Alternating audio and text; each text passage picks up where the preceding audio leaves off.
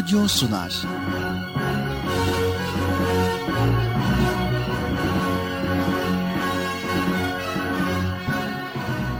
Çocuklar için hafta sonu tatili.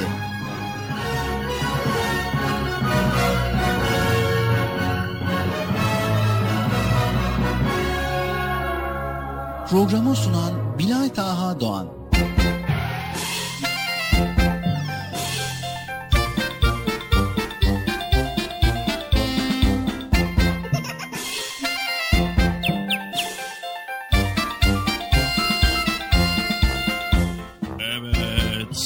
Sevgili çocuklar. Beklediğiniz program Çocuk Parkı bugün de nihayet başladı.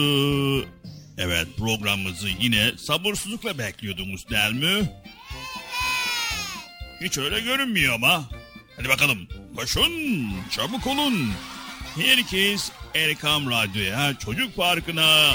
Koşun koşun koşun koşun. Çabuk çabuk koşun. Acele etmeden yavaş yavaş koşun.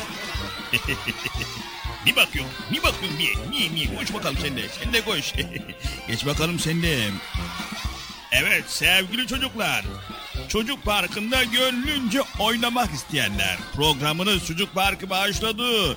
Programımız 7'den 77'ye. Herkese açıktır. Herkesi bekliyoruz. Sen de gel. Sen, he evet. Gel bakalım. dolan orayı, dolan orayı. Orayı değil bu tarafı dolan. Evet aferin sen de geç bakalım. He, oturdunuz mu yerinize? Hı, oturdunuz mu? Evet. Yani yerlerinizi aldınız. Ekran başındakiler sizler de yerinizi almışsınızdır inşallah. O zaman biz de ne yapalım? Programımıza başlayalım. Tamam mı? Tamam. Evet programımıza başlarken ne yapıyorduk? Milat Ağa kardeşimizi çağırıyorduk değil mi? Evet. Çağıralım mı? Evet. Ya bugün de gelmesin be. Ben suni programı.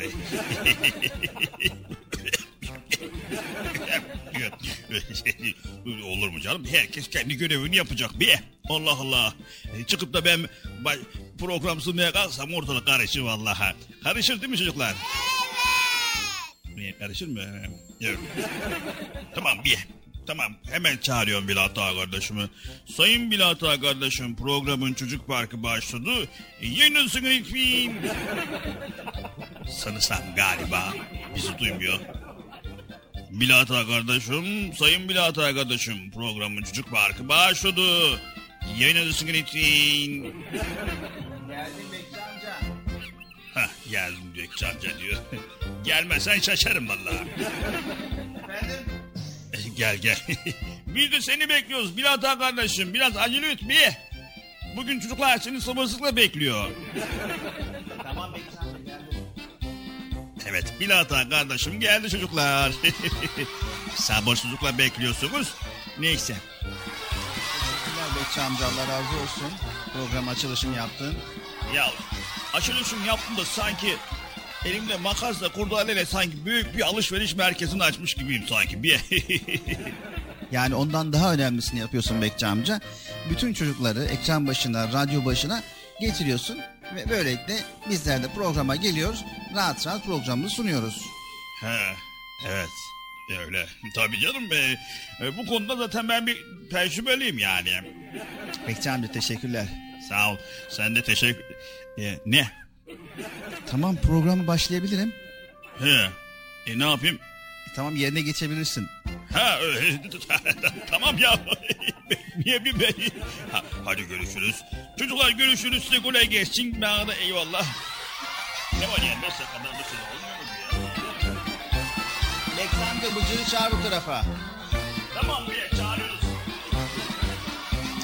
Esselamu Aleyküm ve Rahmetullahi ve Berekatuh. Allah'ın selamı, rahmeti, bereketi ve hidayeti hepinizin ve hepimizin üzerine olsun diyerek Bugün de Çocuk Parkı programıyla karşınızdayız.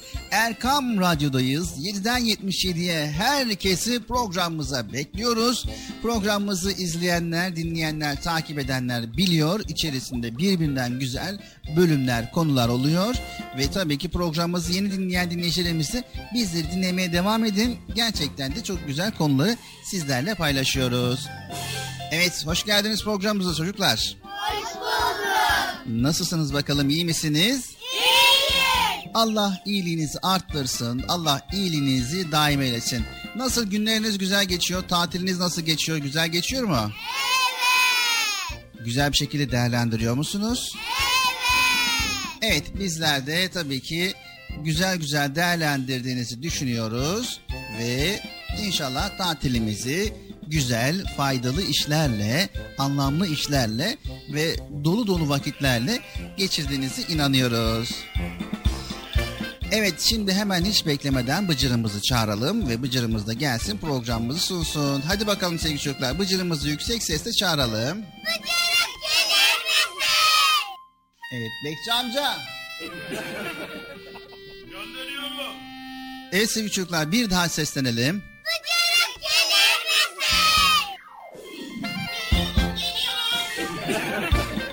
Evet Bıcır'ımız da geliyor. Bir an önce programımıza başlamak istiyoruz sevgili çocuklar. Çünkü çok güzel konular bugün sizleri bekliyor. Biraz acele et Bıcır. Program başladı. Vaktimiz geçiyor.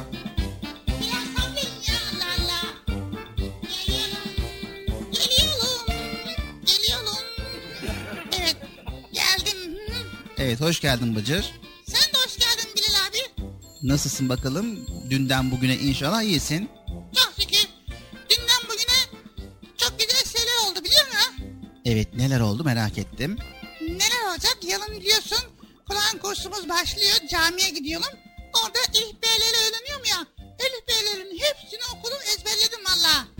Evet Elif Beylerin hepsini ezberleyebildin. Evet. Hepsi olmazsa bile yarısından fazlasını ezberleyebildim. Aferin çok güzel. Evet Bıcır'ımıza kocaman bir aferin diyelim çocuklar. Aferin sana. Size de aferin. Aa, arkadaşlar hoş geldiniz. Hoş bulduk. Ne yapıyorsunuz iyi misiniz? İyiyim. Maşallah maşallah çok çok iyisiniz. Allah iyiliğinizi arttırsın. Evet Bıcır bugün güzel konuları paylaşacağız. Bugün neler var Bilal abi programımızda? Bugün tutumlu olmak ve aynı zamanda aşırıya gitmemek konusunu işleyeceğiz. Na- nasıl yani ya anlamadım. Yani yapacağımız bir işte her işin ortasını bulmak. Yani diyelim ki yemek yiyorsak ne çok yemek yiyeceğiz, aşırı yemek yiyeceğiz ne de çok az yemek yiyeceğiz. Orta yolla itidalli bir şekilde yani dengeli bir şekilde yemeğimizi yiyeceğiz. Veya işte abdest alırken ne çok su kullanacağız, aşırı su kullanacağız ne de çok az su kullanacağız. İşte biz buna orta yolu bulmak diyoruz Bıcır. He, orta yol bulmak vay be. Evet inşallah bu konuları paylaşacağız. Yine Nasrettin hocamız var, masalımız var. Aynı zamanda bugün Esmaül Hüsna var inşallah onları da paylaşacağız. Arada güzel güzel konular ve bölümler inşallah çocuk parkında olacak sevgili çocuklar.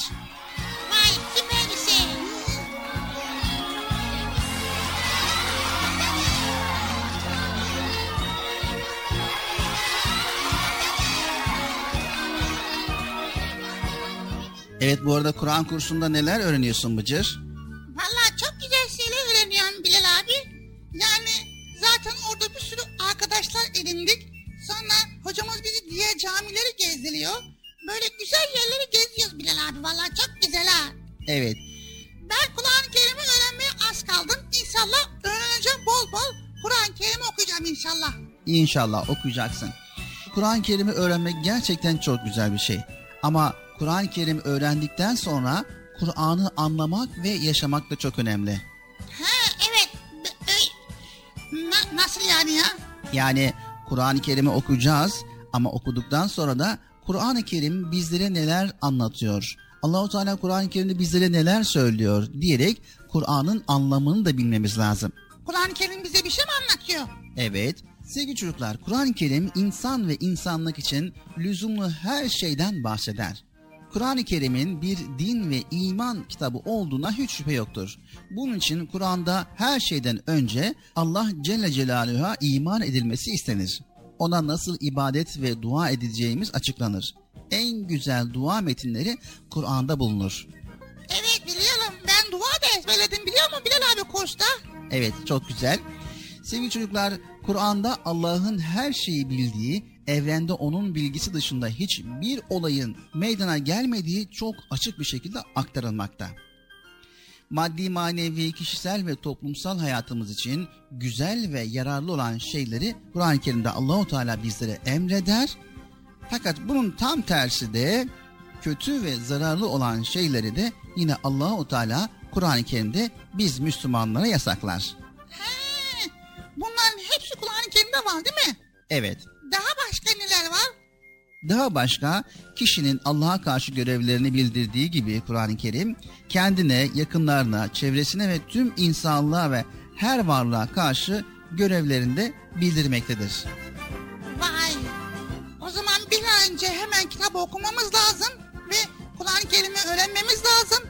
Ve öğrendiğimiz takdirde Allahu Teala bizlere neler söylüyor, neler emrediyor veya neler yasaklıyor öğrenmemiz lazım değil mi? Evet. O yüzden sevgili çocuklar Kur'an-ı Kerim'i bir an önce okuyun, öğrenin ve Allahu Teala'nın bizlere neler söylediğini, bizlerden neler istediğini öğrenelim inşallah. Tamam mı? Çocuk Parkı programımız devam ediyor.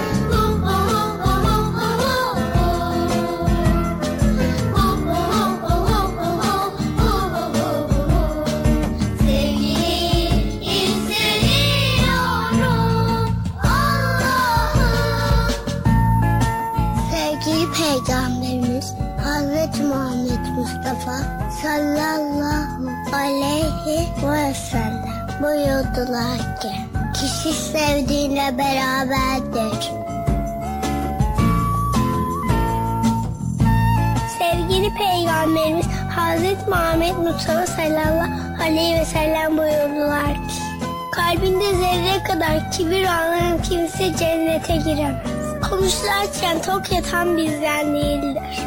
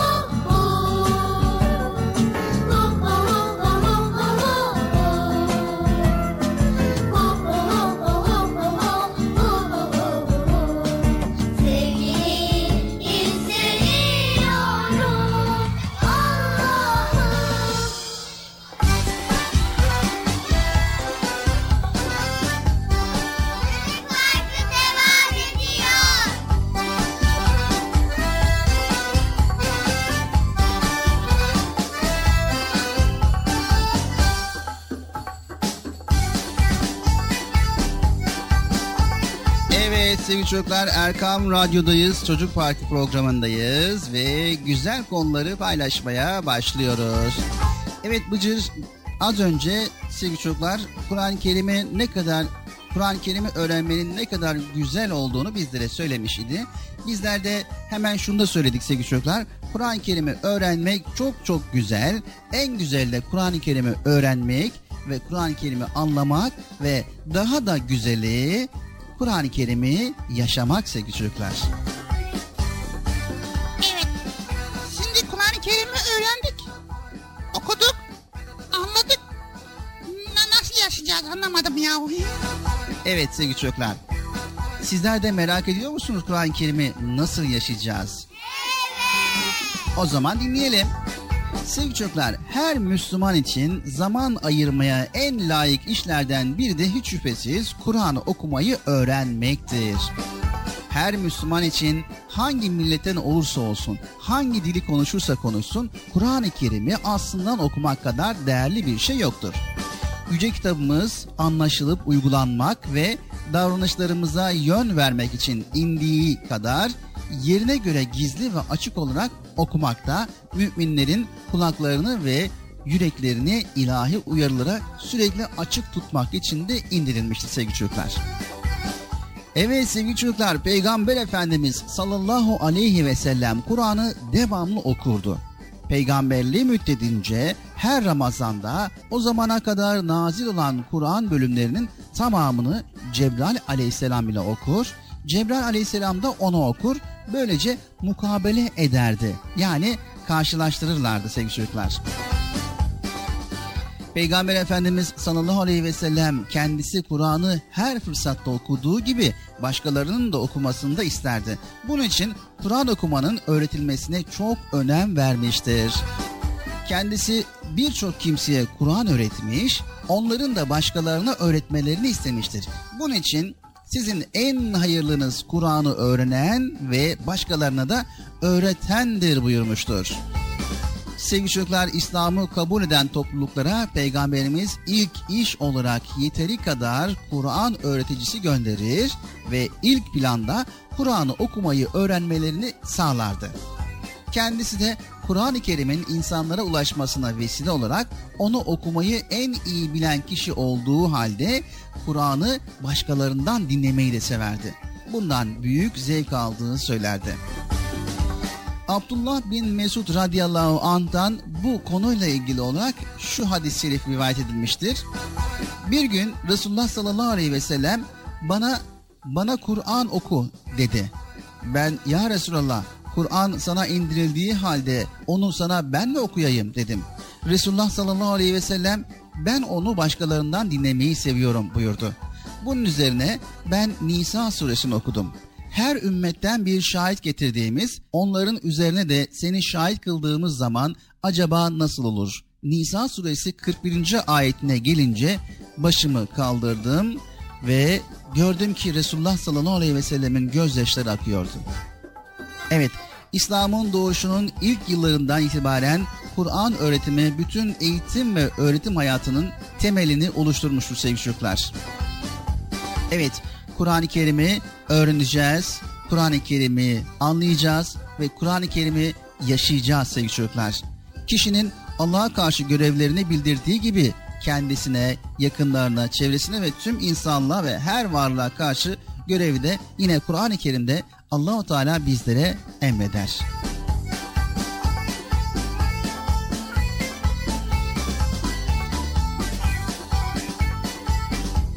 Evet daha önceki konularımızda Bıcır söylemiş olduğumuz gibi dedik ya yiyiniz, içiniz, israf etmeyiniz. İşte Allahu Teala Kur'an-ı Kerim'de bize bunu da bildirmiştir.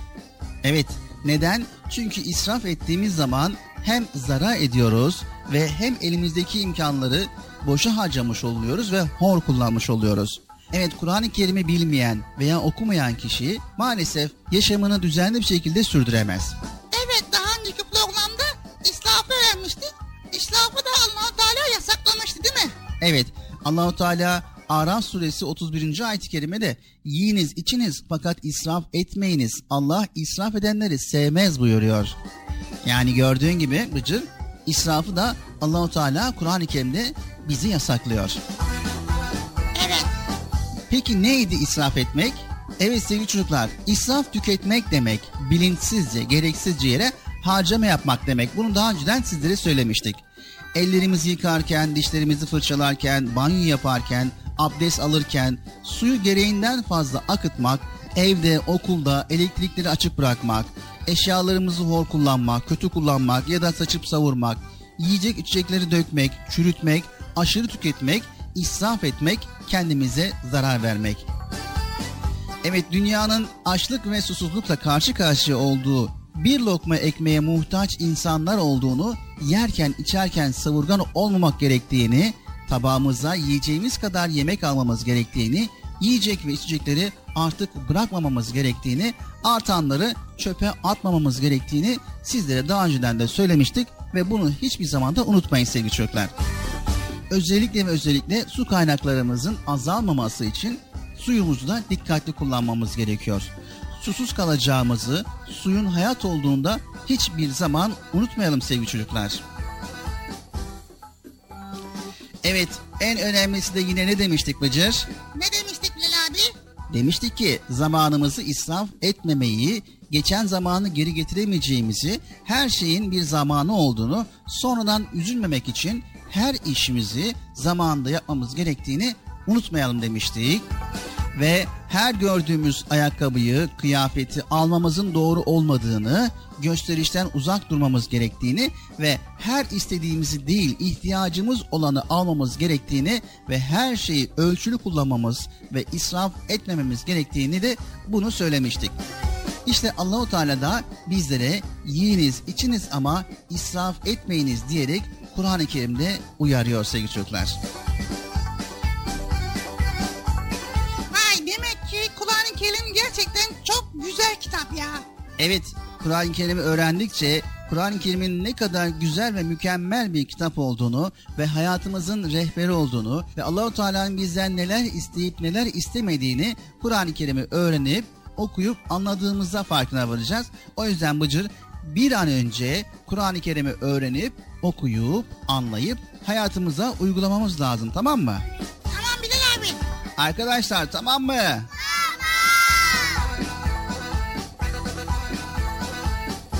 Yapacağımız tüm işlerde her şeyin orta yolunu bulmamız gerekiyor demiştik program başında. Evet orta yolu bulmamız lazım. Nasıl bulacağız? Evet orta yolu bulmak için ne yapmamız lazım? Evet sevgili çocuklar sınavlar yaklaştığında ne yaparsınız? Ne yapalız? Elimizden geldiğince sınava gece gündüz çalışırız. Ama okul tatil şimdi. Şu anda okullar kapalı olduğu halde imtihana giren öğrencilerimiz de var. Evet sevgili çocuklar, imtihanlarınıza günler öncesinden planlı programlı bir şekilde çalışmak yerine ders çalışmayı sınav akşamına bırakmak doğru mu sizce? Peki ya hafta sonlarını nasıl geçirirsiniz veya yaz tatilini nasıl geçirirsiniz? Daha başarılı olmak için yaz tatilinizi iyi mi değerlendiriyorsunuz? Kendinizi şöyle bir hesaba çekin ve hiçbir çaba sarf etmeden yaz tatilinizi tembel tembel oturarak geçirdikten sonra okul dönemi başladığında daha neler neler zamanlar birlikte gelip geçiyor.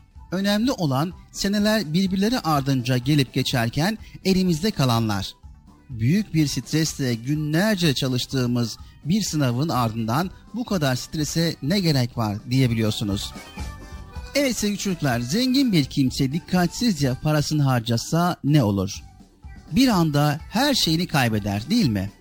Ya da tutumlu olacağım derken hiç para harcamazsa tabii ki bu da olmaz. Evet sevgili çocuklar, insan imkanların farkında olmalıdır.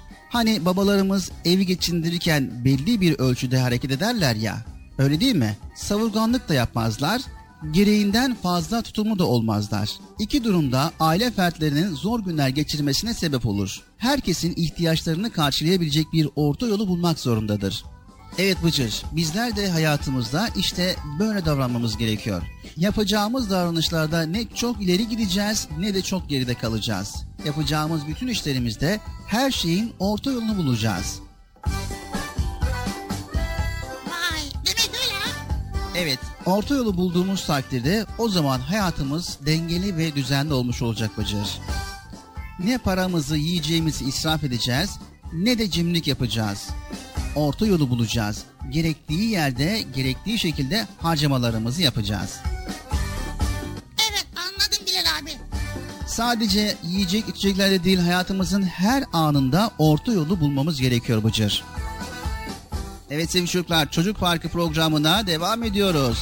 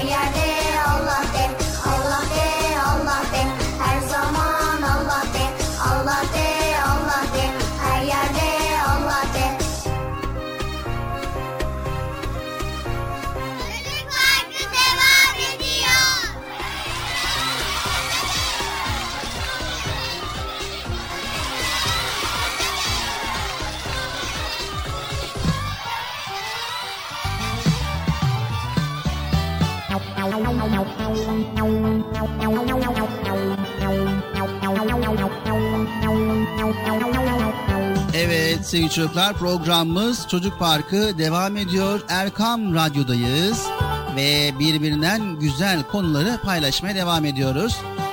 Bugünkü konumuz orta yolu bulmak yani ölçülü olmak. Bütün davranışlarımızda ölçülü olmak ve tabii ki her anımızda her davranışımızda ölçülü olmayı sizlerle paylaşıyoruz. Evet Bilal abi ölçülü olmak gitmeyeceğiz demek değil mi? Evet hem çok aşırıya gitmeyeceğiz Bıcır hem de yapmış olduğumuz işlerde gevşeklik yapmayacağız. Yani sonuç itibariyle gideceğiz bir mağazadan elbise alacağız. Elbise alacağımız zaman ihtiyacımız olan elbiseyi en uygun fiyata en uygun bir şekilde almamız lazım. Aşırı bir şekilde ihtiyacımız olmayan elbiseleri de alırsak o zaman israf etmiş oluruz. İsraf etmemek için orta yolu bulmamız lazım Bıcır. Ne çok aşırıya gideceğiz ne çok eli sıkı olacağız. Evet Bıcır şimdi ne yapıyoruz? Masal saatimiz var. Arkadaşlar masal saati başlıyor. Yaşasın. Evet bugün hangi masalı dinleyeceğiz Bilal abi? Bugünkü masalımız Aslan ile Fare. Hadi bakalım çocuklar masal saati başlıyor.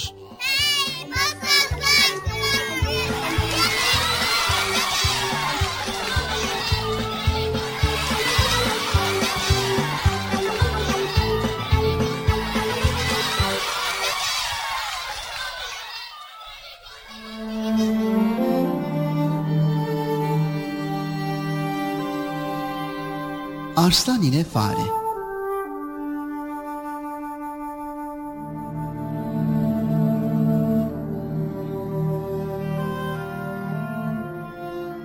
Tehlikelerle dolu koskoca ormanda tek başına yaşayan bir fare varmış.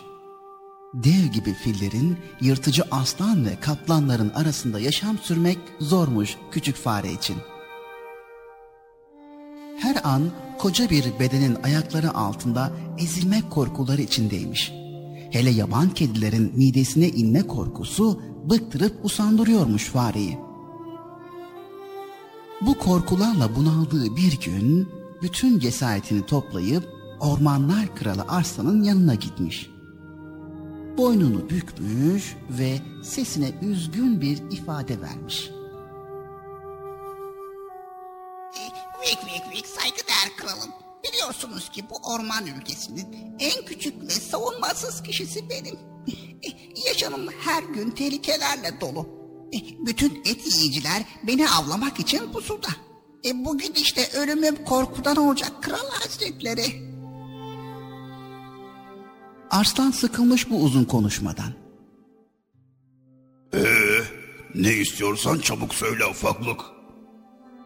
Şey diyorum ki siz ormanlar kralısınız. Koskoca bir mağarada yaşıyorsunuz. E, Ben de gelip e, bu mağaranın bir köşesine yerleşsem. hı? E, Siz beni korumanız altında alsanız. İnanın sizi hiç rahatsız etmem. Ayağınızın altında da dolaşmam. Varlığımı bile hissettirmem size.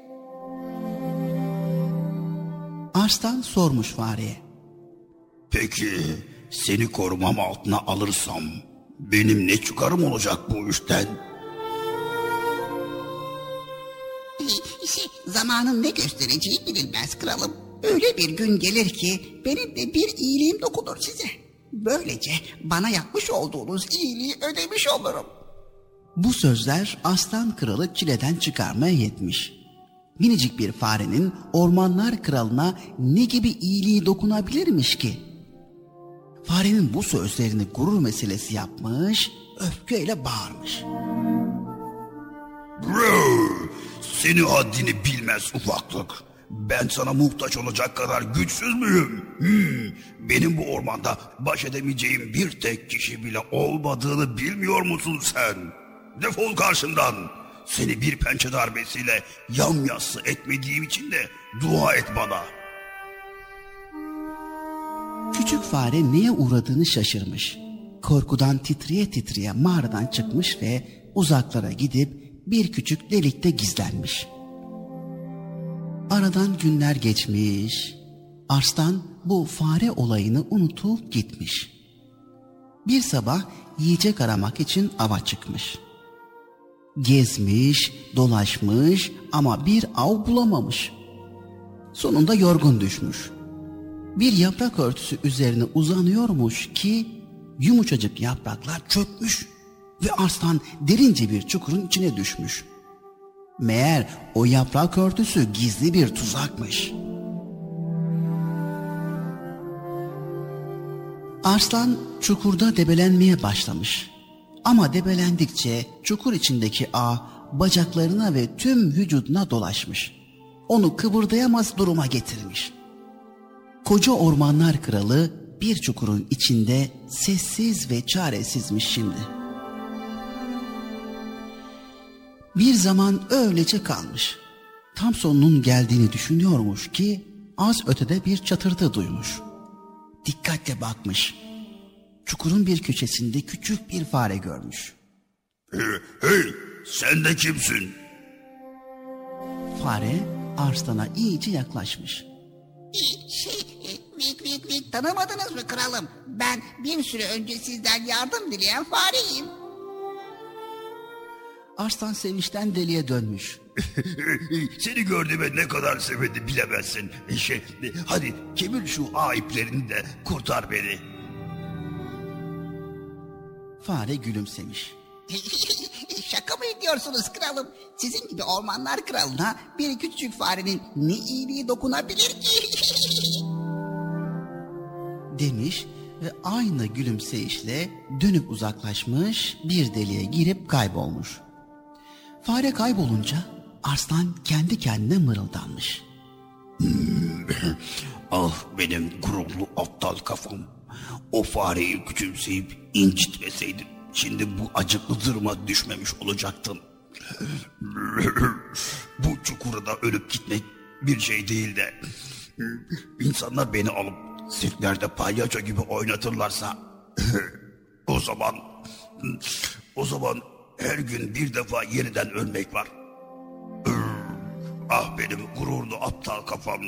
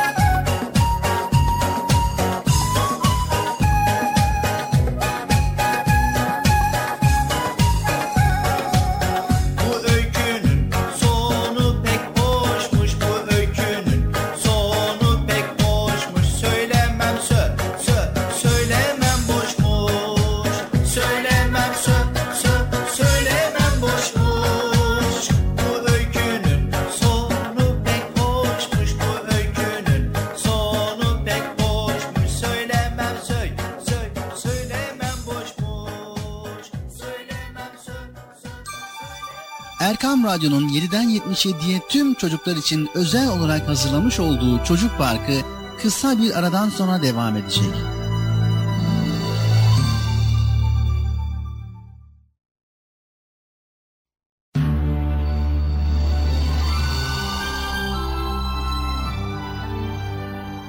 Erkam Radyo'nun 7'den 77'ye tüm çocuklar için özel olarak hazırlamış olduğu Çocuk Parkı devam ediyor.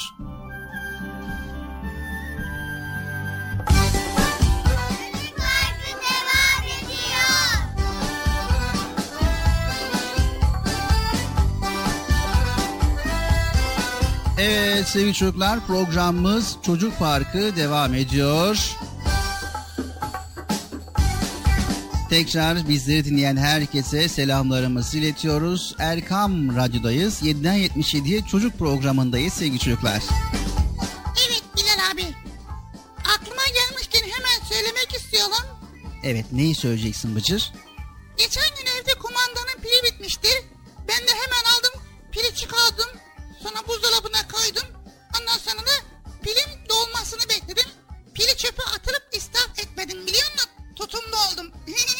Kumandanın pili bitti diye buzdolabına koydun ve dolmasını bekledin değil mi Bıcır? evet. Peki doldu mu? Yok dolmadı. Dolmadı değil mi? He anlamadım vallahi niye dolmadıysa. Evet sevgili çocuklar hep söylerler. Aman pilleri çöpe atmayın, sokağa atmayın. evet ben de öyle yaptım. Çöpe atmadım sokağa atmadım. Bazılarınız diyor iyi ama bitmiş pili atmayıp da ne yapalım? Hadi buzdolabına koyalım bıcır gibi. Biraz daha dolsun sonra işi bitince atarım. Evet bunu böyle söylememek lazım. Evet benim gibi buzdolabına koyacağız o da pil dolsun değil mi? Hayır bunu da söylememek lazım. Nasıl ya ne söylemek lazım? Sevgili çocuklar çöpe attığınız her pil size hastalık olarak geri dönebilir. Bunu da nereden çıkardın demeyin. Hemen sebebini açıklayalım. Çeşitli kimyasal maddelerden yapılan pil toprağa atıldığında içindeki maddeler toprağa ve yeraltı sularına karışır. Toprağın yapısını bozar. Bu maddeler topraktan beslenen hayvanlardan ya da direkt olarak sudan insanlara geçer. Bunun sonucunda böbrek, karaciğer hastalıkları, sinir sistemi bozuklukları gibi çeşitli hastalıklar meydana gelir. Evet bu yüzden pillerimizi kesinlikle çöpe dağıtmıyoruz, sağa sola atmıyoruz. Evet bir kalem pil 4 metreküp toprağı kirletir ve bu toprağı verimsiz hale getirir. Yani ne yapıyormuşuz Bıcır? Evet ne yapıyoruz? Pilleri atmıyoruz. Benim gibi buzdolabına koyuyoruz. Hayır. Biten pillerimizi bir torbada biriktirerek atık pil kutularına atıyormuşuz. Ha evet. Ha bu arada sevgili çocuklar ve Bıcır. Buzdolabına koyulan pilin tekrar dolduğu falan yok bilginiz olsun. Kendimizi kandırmayalım boşuna. Ya Allah Allah. Evet piller buzdolabında maalesef dolmuyor Bıcır. Pilleri değerlendirmek için atık pil kutularına atmamız yeterli. Evet o zaman alıp atık pil kutularına koyabiliriz. Bilal abi merak ettim ya. Hadi biz evde elektrik bulmuşuz, lambalar yakıyoruz, ev aydınlanıyor. Denizlerde balıklar nasıl aydınlanıyor ya? Onlarda elektrik yok ki. Evet güzel bir soru Bıcır. Sevgili çocuklar sizler de bu konuyu merak ediyor musunuz? Evet denizlerde elektrik yok. Peki balıklar ne yapıyor? ne yapsın uyuyorlar akşamları herhalde. Peki o zaman bakalım Bıcır. Sevgili çocuklar denizleri aydınlatabilen balıklar var. Hadi ya denizleri aydınlatan balıklar nasıl? El fenerleri mi var yoksa? Denizlerin derinliklerinde yaşayan mürekkep balıkları mavi beyaz ışık üretirler sevgili çocuklar. Mürekkep balıkları kendilerini koruyabilmek için ışığın rengini, yoğunluğunu ayarlayarak savunma yaparlar. Allah Allah vay be. Düşmanını şaşırtmak için parlak renkli bir salgı çıkararak düşmanından uzaklaşır. Derisi dikenle kaplı olan deniz yıldızı, deniz kestanesi gibi canlılar da kendilerini savunmak için ışık saçarlar. Saldırıya uğrayan deniz yıldızı kollarından birini düşmanına fırlatarak ondan uzaklaşır. Ayrılan kolundan beyaz ışık çıkar. Bu ışık dikkatleri toplayarak deniz yıldızına zaman kazandırır. Evet sevgili çocuklar belgesellerde denizin derinliklerinde el fenerine benzeyen balıkları görürseniz şaşırmayın. El feneri balıkları gözlerinin altında büyük organlarla ışık üretirler. Göz kapaklarıyla ışığı açıp kapatabilirler. Yiyecek ararken ışığı istediği yöne çevirebilir. Bu balıklar ışık üretirler ama bu sırada oluşan ısı onları etkilemez. Bu özelliklerini de farklılık göstermektedir sevgili çocuklar. Vay be demek ki denizde de ışık var ha. Peki merak ettim Bilal abi. Su sevmeyen bitkiler var mı ya? Evet sevgili çocuklar su sevmeyen bitkiler de var. Allah Allah var mı ya? Suyu çok sevmeyen bitkilerin kaktüs olduğunu unutmayın. Kaktüsler genellikle çöllerde ve sıcak iklimlerde yaşarlar. Yaprakları diken şeklinde uzundur ve dikenleri zehirli olan kaktüsler de vardır. Aynı zamanda çiçek açan ve meyvesi olan kaktüsler de vardır. Kaktüslerden olan bir bitki bahar ve yaz başında çiçek açar, olgunlaşan meyvesi yenilebilir. Bazı hastalıklara karşı bu meyveden yararlanılır.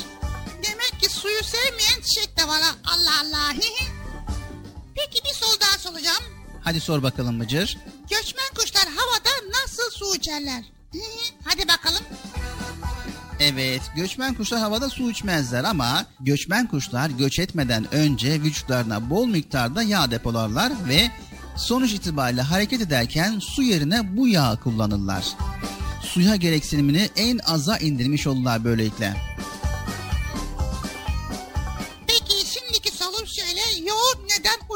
Getirir? Evet, yoğurt neden uyku getirir? Hemen bakalım Bıcır. Yoğurt içerisindeki özelliğinden dolayı sinir sistemini gevşetir ve sindirimi rahatlatıcı özelliğe sahiptir. Vücuttaki rahatlama ve gevşemenin oluşması da insana uyku getirir Bıcır. Ama çok faydalı değil mi? Evet, yoğurt gerçekten çok faydalı. Evet Bıcır, insan imkanlarının farkında olmalıdır demiştik az önce. Hani babalarımız evi geçindirirken belli bir ölçüde hareket ederler ya. Annelerimizi mutfakta hiç izlediniz mi? Nasıl ki onlar bir pastayı bile ölçüyle yapıyorlarsa işte bizim de hayatta karşılaştığımız her durumda bir ölçümüz, bir sınırımız olmalı. Orta yolu bulmak her zaman bizi kazançlı tutar. Bu sayede belirlediğimiz hedeflerimize daha da kolay ulaşabiliriz. Sevgili çocuklar dinimiz bize her zaman orta yolu öğütlemiştir. Ne çok yemeği doğru bulmuştur ne de çok aç kalmayı. Ne gereğinden fazla uyumayı doğru karşılamıştır ne de uykusuz kalmayı emretmiştir.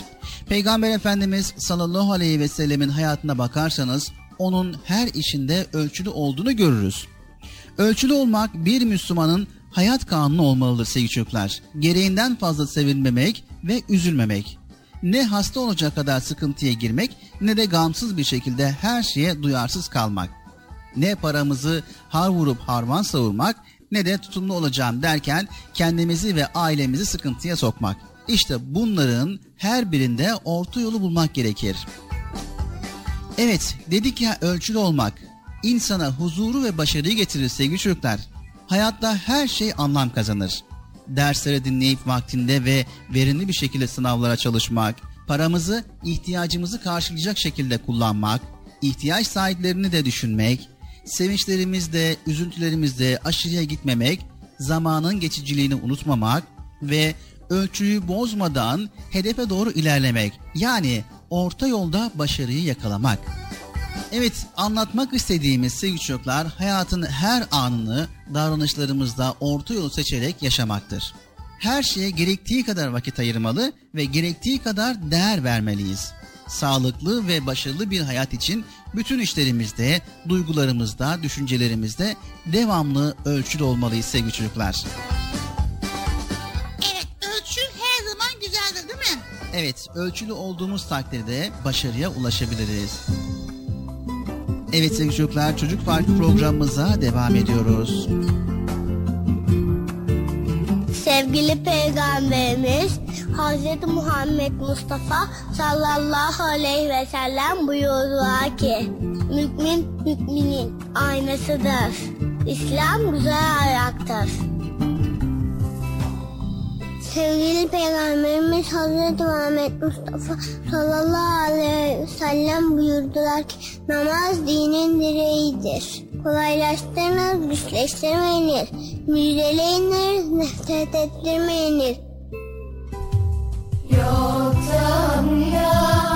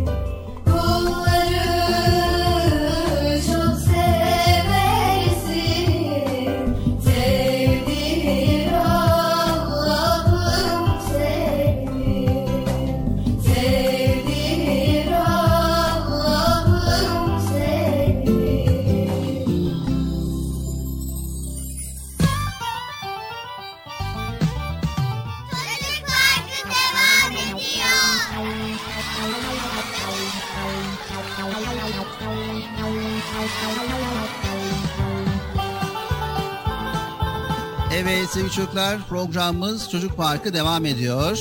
Evet Bilal abi. Şimdi sırada ne var? Fıkra mı? Hayır şimdi sırada Esmaül Hüsna yani Allahu Teala'nın güzel isimleri var. Ha, bugünkü Esma Hüsna hangisiydi Bilal abi? Evet bugünkü Allah'ın güzel isimleri hangisi şöyle bakalım. Es-Semi, El Basir, El Hakem ve El Adıl.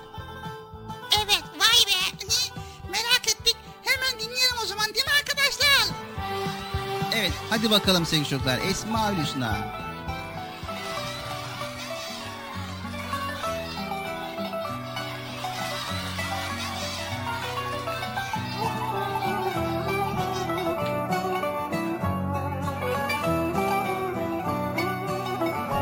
Evet sevgili çocuklar. Es-Semi El Basir. Allahu Teala semidir. Yani o her şeyi layıkıyla duyandır. Ve Allahu Teala basirdir. Yani her şeyi layıkıyla görendir sevgili çocuklar. Allah ilim sahibidir, işitir, görür, konuşur. Gözümüzü yaratan nereye baktığımızı bilmez mi? Ağzımızı yaratan neler konuştuğumuzu bilmez mi? Kalbimizi yaratan kalbimizden geçenleri bilmez mi? Mikroskoplarla dahi görülmeyecek kadar küçük olan atomları yaratan Allah hangi işimizi görmez ki? Sevgili çocuklar, insanlar yanılıp Allah'ın gözü, kulağı ve ağzı olduğunu zannederler. Televizyon, bilgisayar, radyo ve telefon da konuşur ama bunların ağızları insan ağzı gibi değildir. Teleskoplar, mikroskoplar, antenler, radarlar da görür ama insan gibi gözleriyle görmez. Nasıl ki duyan, konuşan ve gören her şeyin insan gibi kulağı, ağzı ve gözü yoksa işte Allah da duyar, konuşur ve görür ama bunları nasıl yapar onu bilemeyiz. Kulakları yaratan Allah elbette ki her şeyi işitir. Gözü yaratan Allah her şeyi görür. Bir elektronikçi arızalanan bir makineyi görmeden de arızanın nereden kaynaklandığını bilir. Çünkü makine bütünüyle onun hafızasındadır. Allah da semi ve basirdir. Yarattığı her şeyin her halini görür ve işitir.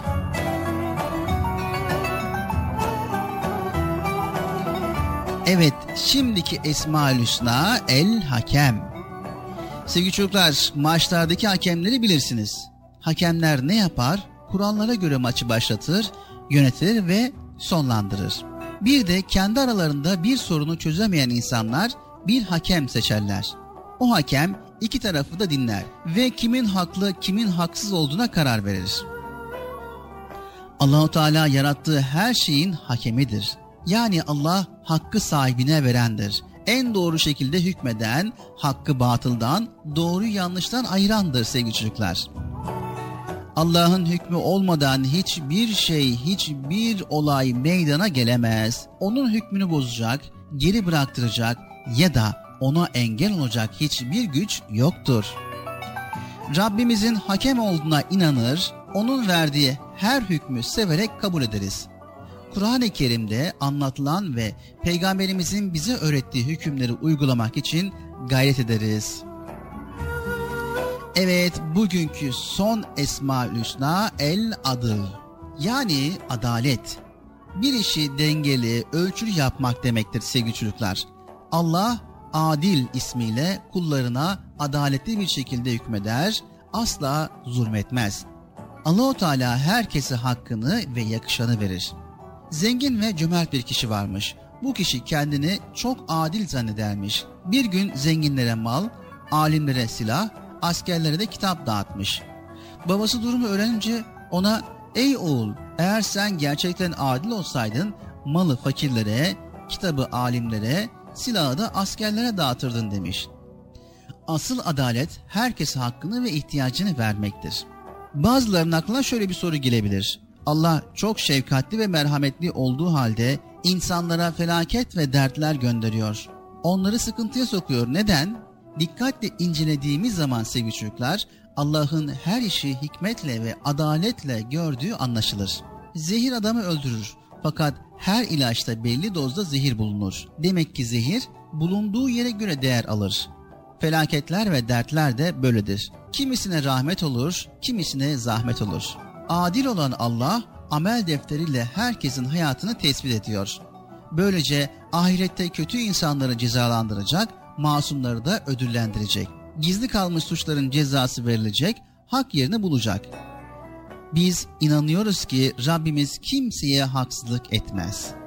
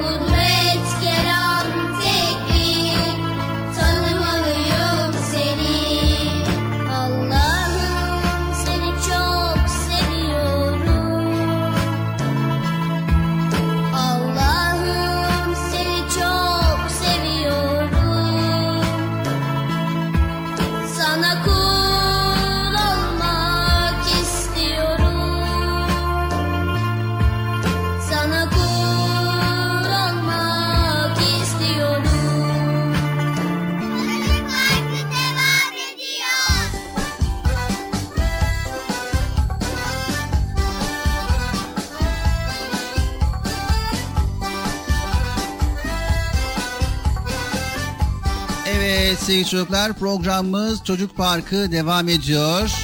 Birbirinden güzel konuları sizlerle paylaşmaya devam ediyoruz. Evet şimdi sırada Nasrettin Hoca var değil mi Bilal abi? Evet şimdi sırada Nasrettin hocamızın fıkrası var. Merak ediyorum Nasrettin Hoca'ya niye Nasrettin Hoca demişler ya? çok esprili, çok nükteli, düşündürüyor, güldürüyor. Evet Nasrettin hocamız Bıcır dünyayı güldüren hoca diye geçiyor biliyorsun. evet ama niye? Sevgili çocuklar Nasrettin hocanın ismini duymayanız yoktur. Evet herkes duymuştur. Dünyada herkes Nasrettin Hocamızın haberi vardır ya. Dünyanın her yanından insanların Nasrettin hocamızdan haberleri var. Ne zaman onun ismi anılsa bir iki fıkrası mutlaka aklımıza gelir. Tebessüm ederek onları arkadaşlarımıza anlatırız hemen. Fakat onu ne kadar tanıyoruz? Hayatı hakkında ne biliyoruz?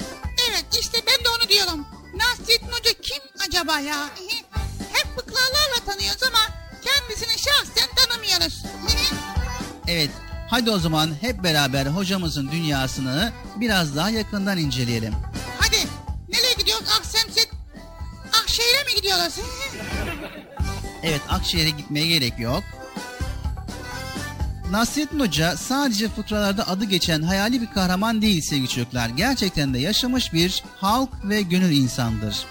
Birçok araştırmacının ortak kanaatine göre 13. yüzyılın başlarında Eskişehir'in Sivrihisar ilçesine bağlı Hortu köyünde doğmuştur. Bu köy günümüzde Nasrettin Hoca Belediyesi ismini almıştır. Nasrettin Hoca ilk eğitimini babasından aldıktan sonra ciddi bir medrese tahsili gördü. Daha sonra köyünden ayrılarak Konya Akşehir'e gitti. Buradan da isminden de anlaşıldığı üzere medreselerde hocalık yaparak ders okuttu, vaizlik, imamlık ve kadılık gibi vazifelerde bulundu.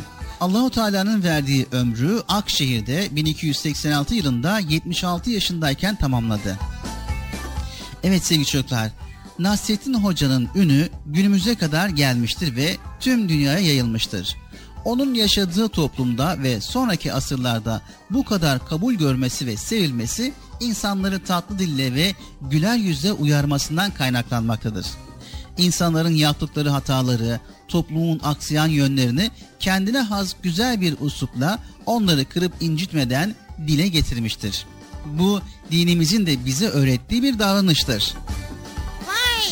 Demek ki Nasrettin orta yolu bulmuş, kimseyi üzmemiş ve kimseye de çok kötü davranmamış değil mi? Evet, orta yolu bulmuş. Sevgili çocuklar, Nasrettin Hoca toplumdan asla kopuk bir hayat yaşamamış, aksine devamlı insanlarla birlikte olmuştur. Böylece halkın içinde olanı biteni çok iyi gözlemleme imkanı bulmuş. İyiliği emredip kötülükten sakındırma ölçüsüne sıkı sıkıya bağlı kalmıştır. Toplumdaki yanlışlıkları mizahi bir uslupla eleştirerek doğru olanı göstermeye çalışmıştır.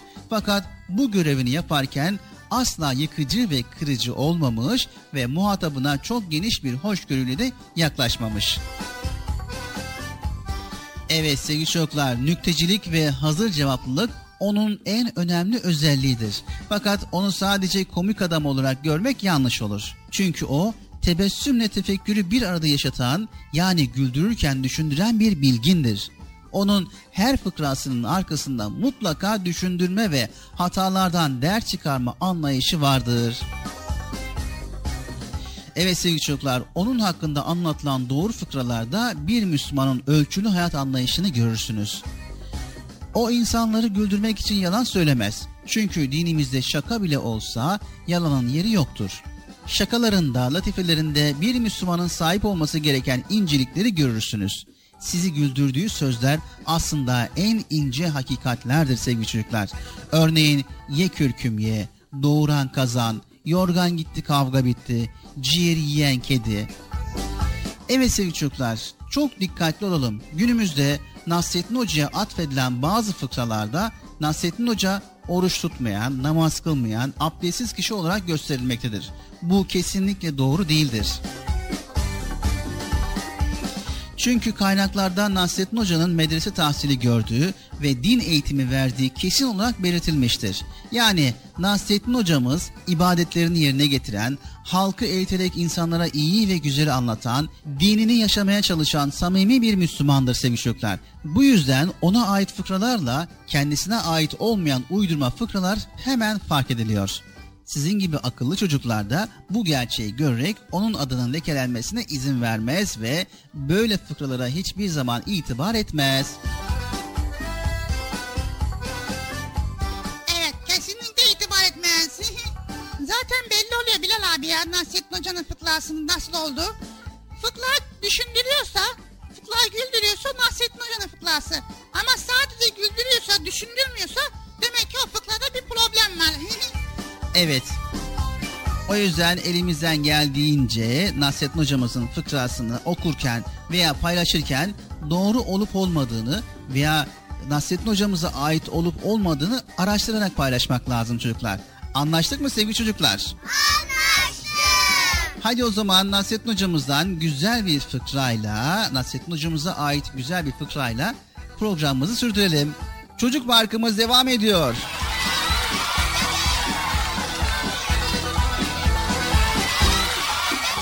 Allah'ın işine karışmak olmaz.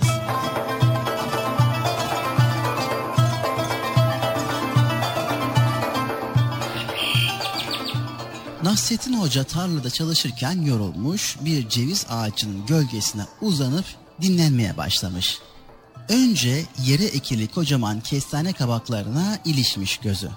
Sonra da ağaçtaki cevizlere kendi kendine mırıldanmış.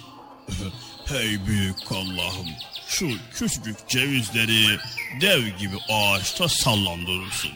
Evet, kocaman kabakları da yerde süründürürsün. Nasıl bir iştir bu? Az sonra uykusu gelmiş, tam dalıp giderken ağaçtan kopan bir ceviz alnının tam ortasına düşmüş. Hocanın canı yanmış. Bu arada gözü yerdeki kabaklara takılmış, yeniden mırıldanmış. bir halt ettiğim işine karıştım Allah'ım. Ya bu cevizi yere koyup kocaman kabağı ağaç dalında sallandırsaydın. Şimdi başım gözüm yarılmış olacaktı. bir daha işine karışmak mı? Evet.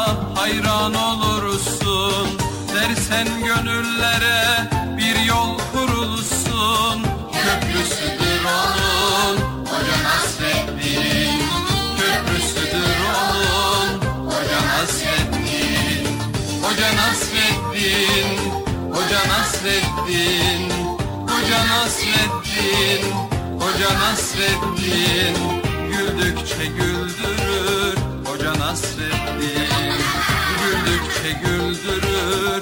Hoca Nasreddin Güldükçe güldürür.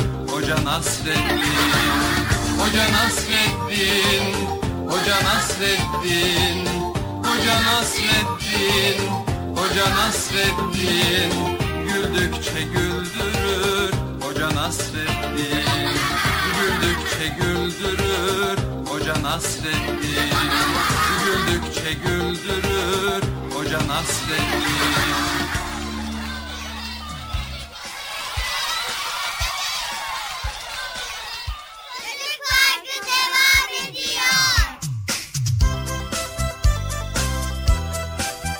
Evet sevgili çocuklar programımız devam ediyor. Yavaş yavaş programımızın sonlarına doğru yaklaşıyoruz sevgili çocuklar. Amca Bıcır'ı gönder program devam ediyor. Tamam gönderiyorum. Evet bu eser arasında Bıcır diğer tarafa geçti. Evet Bıcır bu tarafa gel. Geliyorum, geliyorum, geliyorum. Hayırdır ne oldu seviniyorsun? Evet, Murat abi bana bir tane kumbara hediye etti. Evet çok güzel. Bakayım. Ha, çok. Güzel,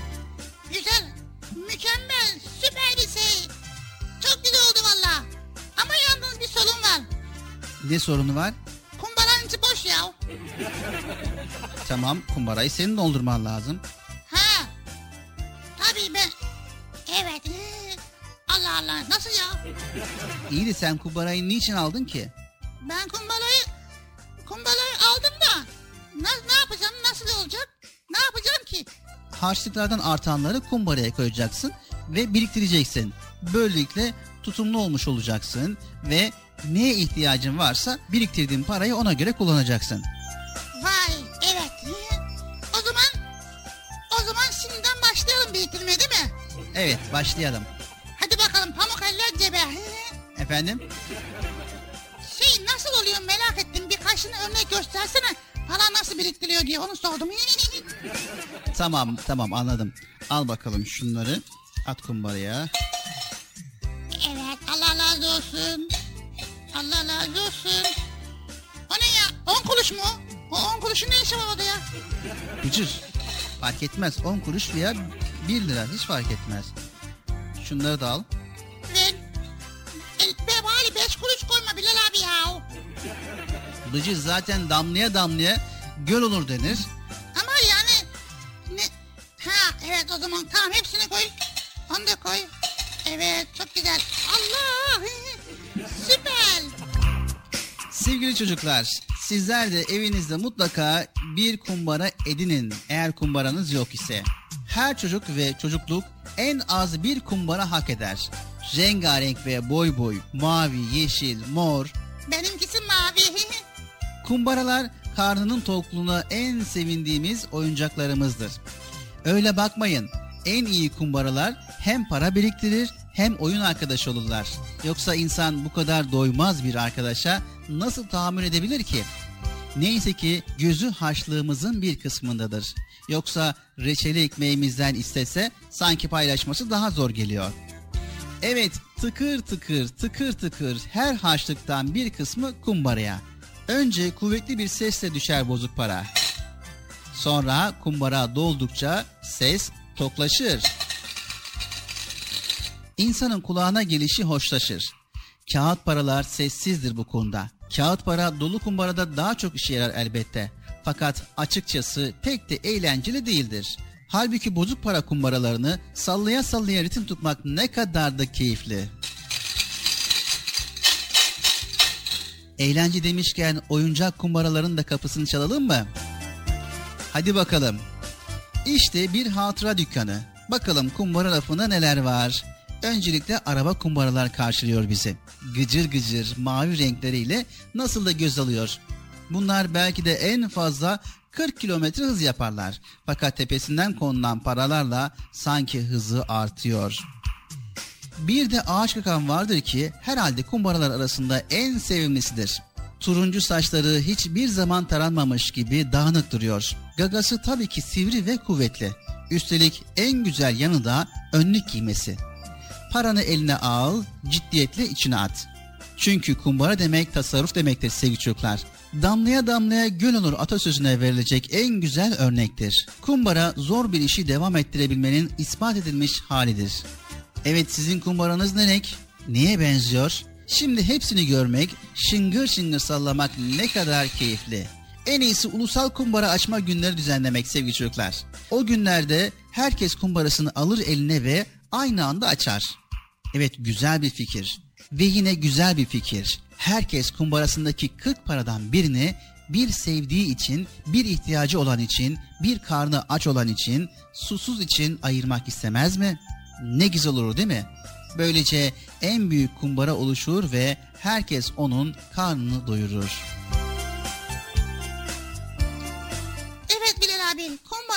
Tutumlu olmak için bize yardımcı oluyor değil mi? Evet Bıcır, kumbara tutumlu olmamız için bize yardımcı oluyor.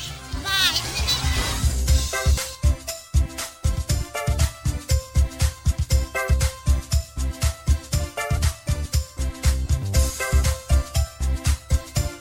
Evet geldik böylelikle programımızın sonuna sevgili çocuklar. Tekrar bir başka programımızda görüşmek üzere. Hepinizi Allah'a emanet ediyor. Allah Celle Celaluhu yar ve yardımcımız olsun diyoruz. Evet, maddi ve manevi duygularımız arasında en güzel denge kuralım. Daima güzel ahlak sahibi olmaya çalışalım. Aşırı davranışlardan uzak duralım. Tembellikten kaçınalım. Tutumlu olalım. israftan uzak duralım. Yerinde ve zamanında çalışalım. Boşa vakit geçirmeyelim. Hem çalışmaya hem de oyun oynamaya vaktimiz olsun. Ve her yerde ölçülü ve dengeli olmaya çalışalım sevgili çocuklar. Anlaştık mı sevgili çocuklar?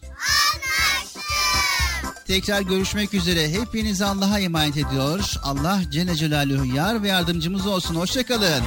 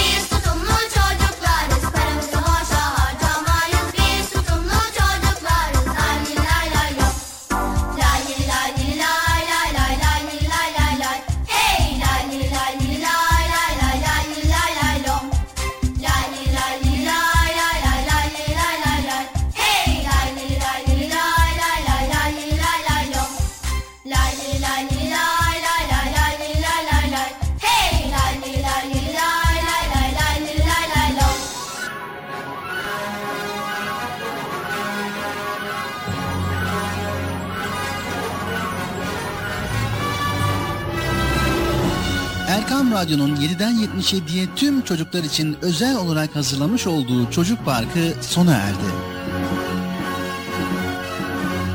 Programı sunan Bilal Taha Doğan.